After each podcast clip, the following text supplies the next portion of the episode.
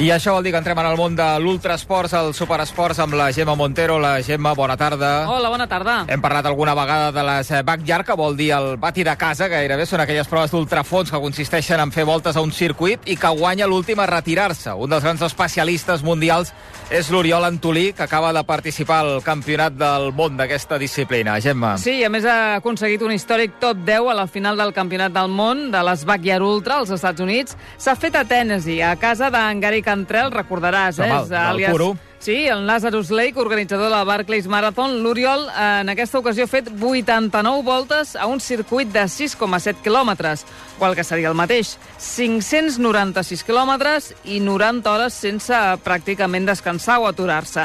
Això vol dir també 3 dies i 3 nits. És un nou rècord espanyol i personal, lògicament, perquè l'anterior també era de l'Oriol. En aquesta disciplina de, de les Backyard Ultra estava, tenia ell el rècord de 82 voltes, ara n'ha fet 89, ha millorat en 7 voltes l'anterior registre que ell va aconseguir a Anglaterra el mes de juny passat, d'aquest 2023.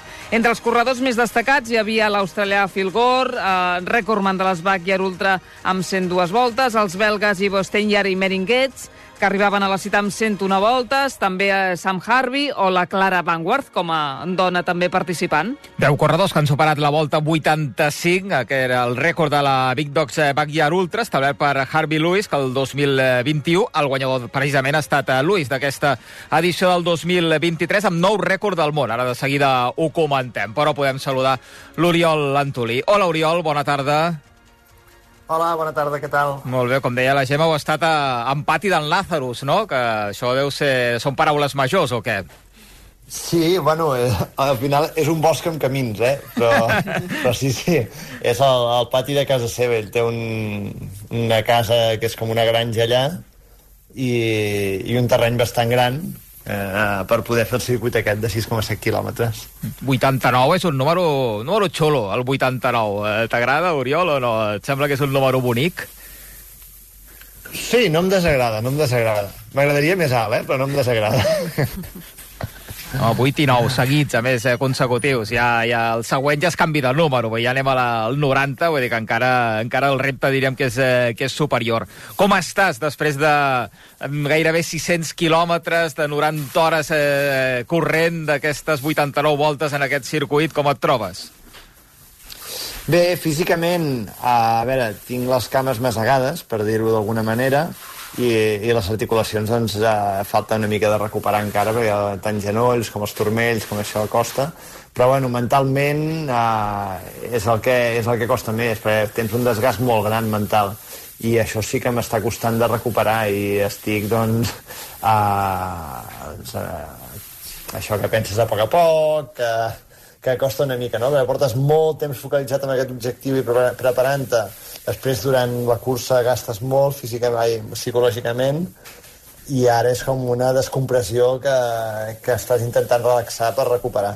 Mm, Explica'm una mica el mecanisme perquè la gent no acabi de, de visualitzar tot això, que s'ha pogut veure per YouTube i encara ho podeu fer perquè es poden recuperar la majoria d'hores, eh? i és, és, realment és un espectacle poder fer-ho. Es tractava de completar el màxim de voltes possibles a un circuit, com tu deies, enmig del bosc, eh? de 6,7 quilòmetres, una miqueta de desnivell positiu, uns 140 metres, no?, en, en, en hores diurnes, i, i a la nit sí que anàveu més, més, més per asfalt, més pla, no? O, I cada volta tenia un temps màxim de fer-la d'una hora. És a dir, si en 60 Exacte. minuts no havies fet una hora, ja quedaves eh, fora de la competició, és així? Sí, el circuit de dia eren 170 metres de desnivell positiu i uh -huh. tot era per corriols i, i això era una mica més tècnic i, i bueno, una mica més complicat. El circuit de nit tenia gairebé 70 metres de desnivell positiu i era un circuit per carretera, i sorties des de la casa que comentàvem, no? del, del Lazarus Lake, i sorties d'allà, anaves per carretera fins a un punt que era just la meitat de les 4,16 milles que, que és, és el recorregut, o sigui, els 6,7 quilòmetres, donaves la volta, hi havia una creu pintada a terra, donaves la volta, tornaves pel mateix lloc i, i així doncs 13 voltes, no? perquè es feia de voltes de nit n'hi havia 13 i de dia n'hi havia 11. Clar, eh, al final acabes coneixent cada racó d'aquell circuit, eh, Oriol. Un com s'ho fa perquè sembli diferent cada vegada que, que fas una volta? Sí, en el circuit de muntanya és fàcil perquè tens, molts, tens molts llocs on fixar-te, tens... Mm. Uh, vas més preocupat del terra, de no trepitjar una pedra mal posada o una arrel que, que sobresurt. Hi ha arbres, pots, jo sé, a vegades veus algun animal algun, o, o fruits que han caigut a terra. Uh, és molt més variat i és fàcil. El circuit de carretera i, a més, el fet d'anar i tornar pel mateix lloc sí que, sí que és més complicat i has de tenir més estratègies de doncs, tu anar pensant en, en altres coses i, i simplement anar tirant o, o, o si et fixes en el recorregut doncs agafar uns punts de referència molt concrets i utilitzar-los per motivar-te i que no sigui de dir, ostres, una altra vegada passo per aquí. Perquè, mm. clar, això vol dir que per, per cada lloc del recorregut de nit hi passes 26 cops, els 13 d'anada i els 13 de tornada i quan és la quarta nit per dir alguna cosa, doncs ho multipliques per 4. I, I això, de fet, a mi l'última nit que vaig estar, o, perquè vaig plegar a mitjanit, uh, és una de les coses que em va costar més. El penso, ostres, que he de tornar a anar allà, al punt aquell, i tornar molts cops més, i, i, i em, em destrossava psicològicament això. Perquè a més a més sempre el mateix sentit, eh? perquè de vegades en aquestes, aquest tipus sí. de curses permeten, si són circulars per exemple, vas canviant el sentit de la marxa, però en aquest cas no. Sí, el circuit de dia era sempre el mateix, no es canviava, i en el de nit, bueno, com que era anar i tornar pel mateix lloc, era Clar, és, és el que hi havia. El, car el carril d'anada o el carril de tornada. Sí, sí, sí. sí cadascú sabia per on havia, no. per on havia de passar. I el cansament, sí. més enllà de, del físic, de, de que les cames cada cop pesen més i, i les articulacions eh, no, no acaben de funcionar, sí. però com, com, com ho notes, eh, que, que estan passant eh, les hores i els dies? Eh, a part d'aquest cansament físic, per on ho notes, Oriol, si que estàs arribant al límit? Sí, la son. La son és el, la son és el factor més limitant que hi ha en aquestes curses, perquè al, al final al final la son és el que et va minant a poc a poc, no? Però has pogut I... descansar durant tota aquesta aventura? És a dir, has, has sumat els minuts? Ho he, ho he intentat. Ho he, ho he intentat, però costa molt. Perquè, clar, estàs allà, descanses... Si tens 7 minuts de descans, i estàs allà que entre que t'adorms, et desperten i menges una, alguna cosa, és que et queda un minut de dormir. I, i és molt poca estona. Clar, perquè sí el temps de descans, fent, eh? com funciona, Oriol, el temps de descans? És a dir, els 60 minuts són, eh, són sí o sí, o, o hi ha alguna volta que et permet un extra per, per aquests minuts de descans, o com funciona el descans durant la prova? Bueno, ho gestiones tu. Mm. Tu tens una hora, una hora per fer el recorregut i has de tornar a estar a la línia de sortida. Aleshores, si tu vols uh, anar més ràpid, clar, desgastes més físicament perquè, perquè vas més ràpid i muscularment desgastes més, però tens més temps per descansar després. Aleshores, bueno, has de trobar una mica el balanç. Jo intento sempre ser molt regular, intentar descansar al mateix temps totes les voltes, tot i que en aquesta cursa em va costar una mica de, de mantenir els, els ritmes, i, i el que sí que vaig fer és alguna de les nits un parell de voltes les vaig fer més ràpid per poder dormir 10 o 12 minuts seguits, que això ja és un èxit. Que això vol dir eh, despertador al, al crono, el rellotge, per no... Evidentment, perquè, com ens passa ah, la majoria imagina't. quan ens fotem al sofà, no s'allargui més del que tu voldries la migdiada. Sí, Sí, bueno, despertador no, perquè per sort bueno, tinc, he tingut d'assistència, que aquestes curses sense assistència és pràcticament uh -huh. impossible fer-les, o almenys si vols fer una bona marca, he tingut tant el, el meu pare que, com la meva parella, la Sílvia, els he tingut de, de suport i, i sort que els he tingut ells, perquè si no hagués sigut molt complicat. I, i ells són els que em despertaven. Ells són els que em despertaven quan arribava el moment, els deia, quan quedin 3 minuts o quan en quedin 2 per la sortida, m'aviseu, i em desperto, menjo i surto. El problema aquí és que s'adormissin ells, Oriol, no? Sí, no, aquesta, això ja se tenia prohibit que se sentessin, no fos cas que caiguessin que, que els tanguessin els ulls i, perquè clar, ells també és molt cansat. Clar, clar. I, sí, home. I quan portes una nit sense dormir, a tothom li pot passar que, que s'adormi sense adonar-se'n. Imagino que també aprofit aprofitaries les aturades eh, per anar al lavabo, no? Sí, bueno, el, que, el que passava, hi havia just a la sortida, o sigui, quan, quan sorties de la cursa, hi havia uns lavabos que eren només per corredors. I el que diuen és que tu, en, eh, una de les normes, tu no pots sortir del recorregut en, eh, des de que sona la campana de sortida fins que arribes, no pots sortir del camí excepte per anar en aquells lavabos. Uh -huh. I el que fa molta gent, i és el que feia jo, és o quan sortia o quan arribava, ja anava a fer el que hagués de fer, uh -huh. i, i així ja ho estava de temps de cursa i que és com més fàcil d'ajustar, no? Perquè dius, ostres, mira, uh, he estat un minut, doncs vas una mica més ràpid i ja, i ja recuperes aquest minut. Si el temps de descans és una proporció molt més gran. És, el temps de descans és tan valuós que sempre Clar. has de buscar eh, que li afecti el mínim possible. I de roba, eh, quant te'n gastes? És a dir, quantes samarretes, mitjons, eh, el, el calçat sempre és el mateix? Eh, això com, eh, com tu organitzes, Oriol?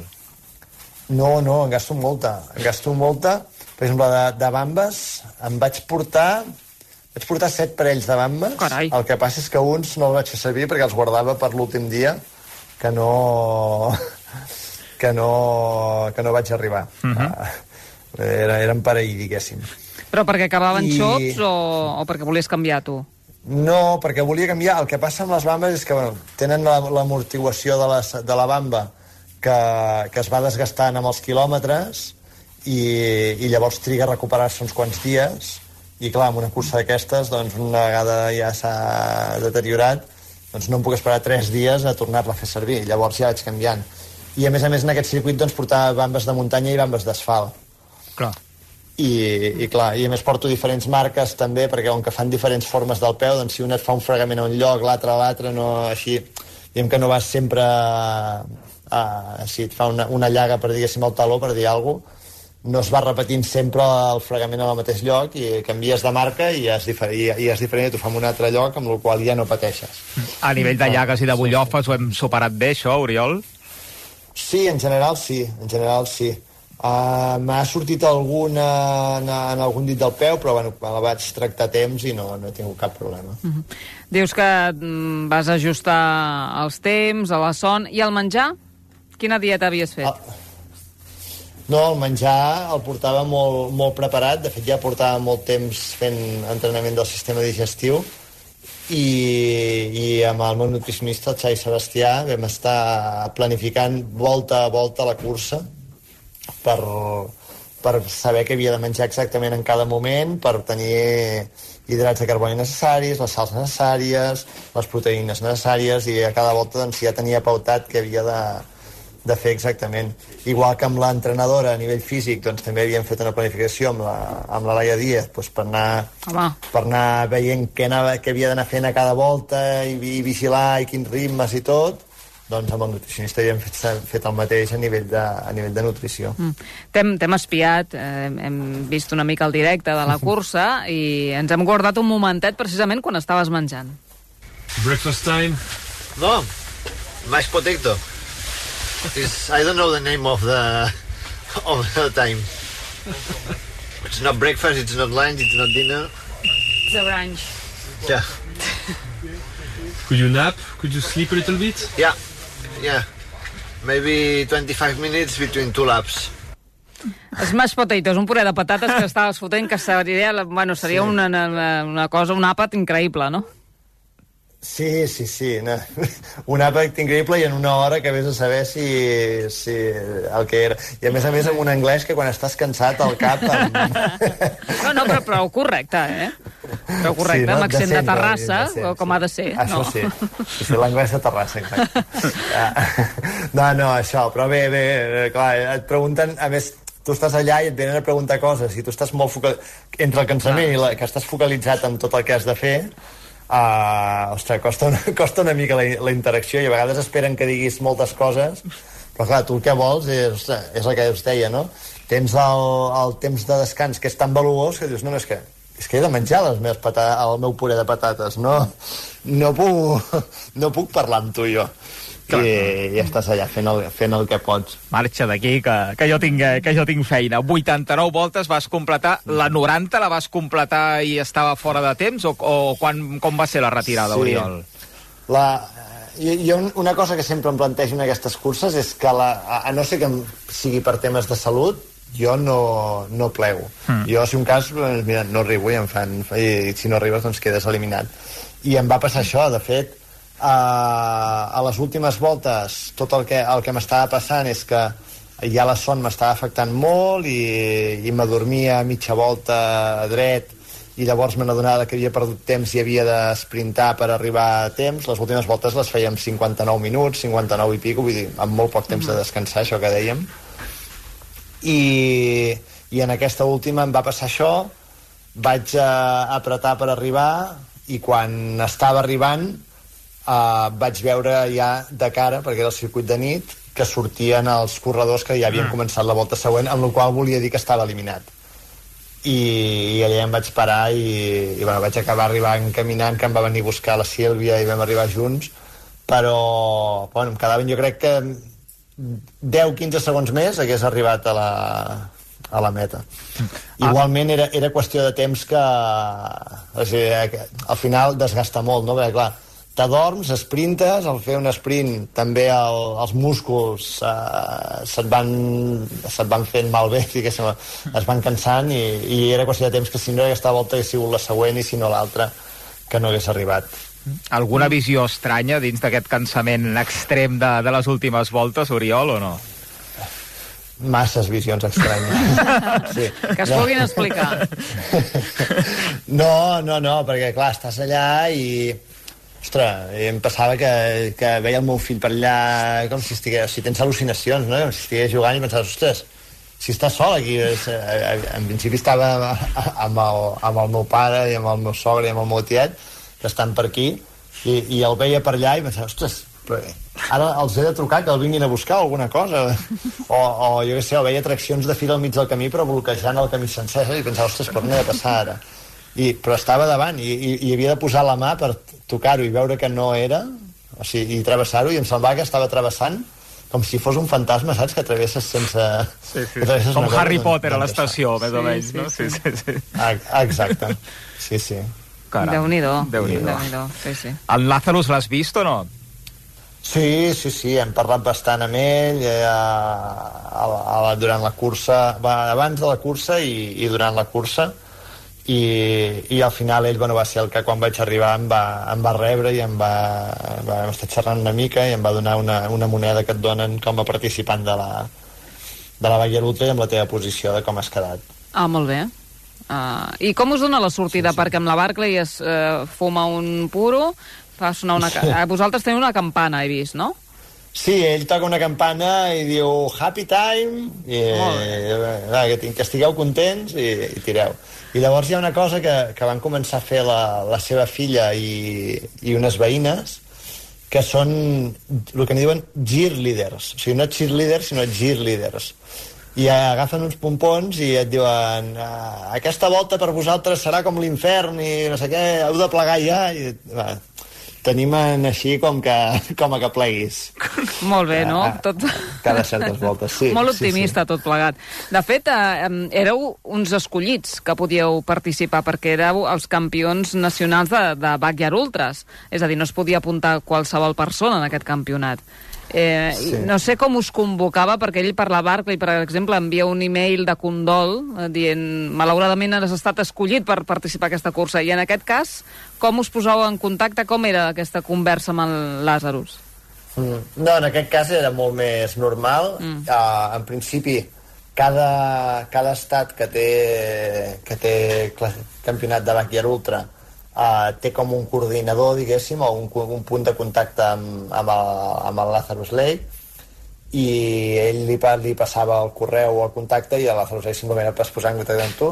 Tu, tu estaràs en el campionat mundial de Backyard Ultra. Voldràs participar? O sigui, demana la confirmació i, i ja està, i l'envia això a tots els, els guanyadors de cada, de cada estat i després també els que entren és fin, perquè em sembla que aquest any eren 38 estats els que van tenir campionat de Backyard Ultra. Uh mhm. -huh. I fins a omplir fins als 75 participants el que fan és uh, totes les places que faltin ordenen totes les Backyard Ultra que s'han fet en el món els últims dos anys i els que els que tenen millors registres no, agafen i diuen, doncs mira, traiem els campions d'estat, agafem la llista ordenada i els els 50 primers, per dir alguna cosa, els 30 primers, són els que també els, també els convidem, a part de campions d'estat.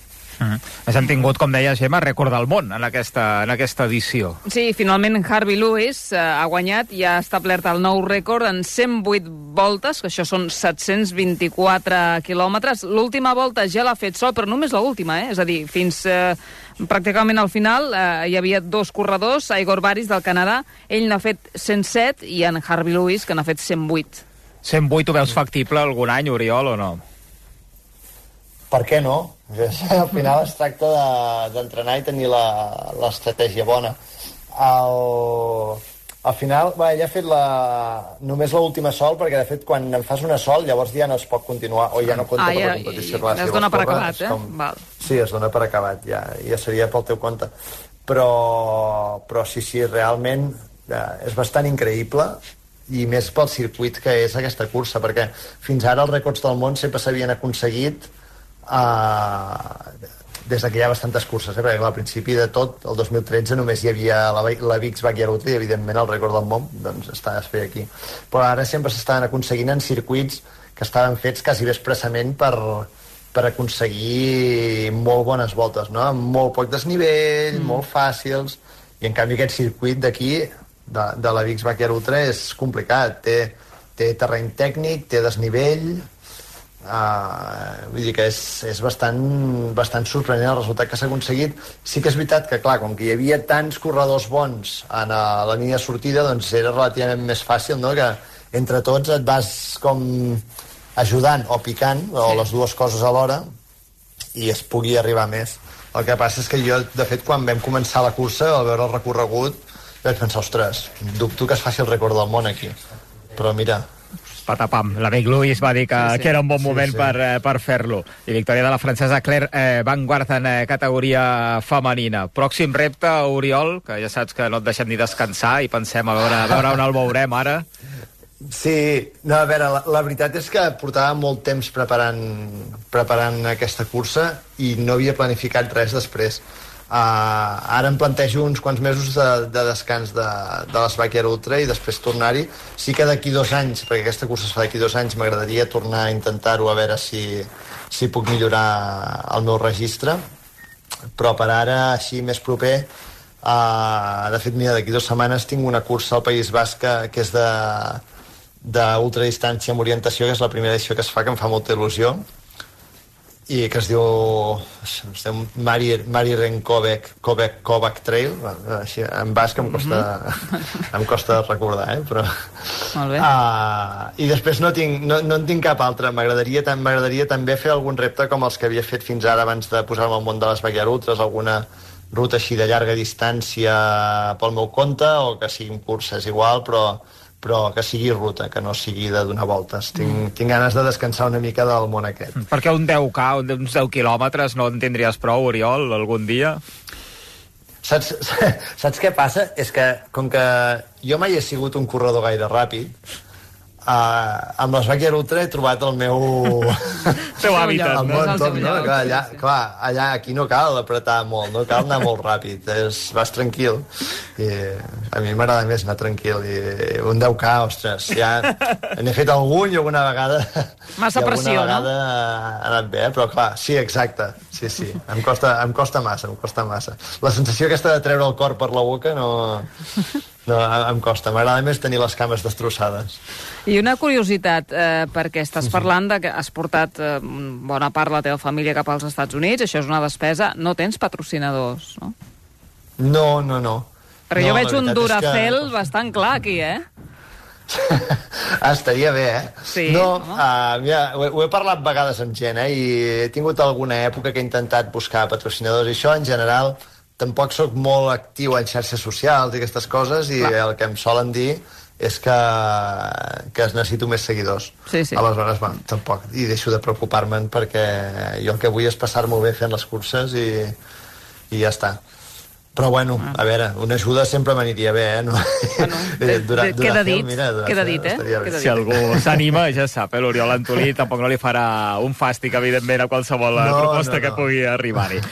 Oriol, un plaer, moltíssimes gràcies per haver-nos acompanyat avui, acabar-se de recuperar i enhorabona per, eh, per aquesta backyard ultra feta a terres nord-americanes i per aquestes 89 voltes completades. Moltíssimes gràcies.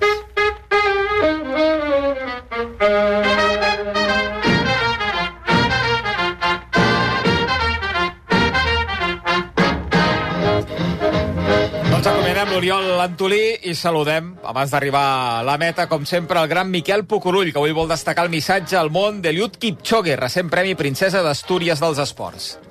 Amigues i amics, acostumat com estic a escoltar els esportistes professionals les entrevistes que els hi fan on no diuen mai res, vull dir, res que sigui mínimament interessant, em va sorprendre i em va agradar molt el que va dir l'altre dia l'Eliot Kipchoge, l'admirat mite vivent de l'atletisme durant una cerimònia a Oviedo on li van lliurar el Premi Princesa d'Astúries de l'Esport. En Kipchoge se'l coneix per haver estat guanyador de títols olímpics, per batre rècords del món de, de marató i per quan fa 4 anys va ser el primer a la història en córrer-ne una en menys de dues hores. Però el que no sabia, o si més no jo ignorava, és que té una molt bona formació cultural.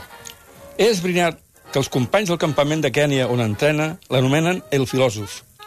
Sembla ser que mentre altres perden el temps o estan enganxats al mòbil entre les sessions, ell està sempre llegint. No m'estranya. En l'acte de l'altre dia, en rebre el guardó, va dir coses com aquesta. Deixin-me compartir una reflexió amb vostès aquesta nit. Córrer no és només una activitat física. Córrer té el poder d'unir-nos a tots sense importar quin sigui el nostre origen o el color de la nostra pell.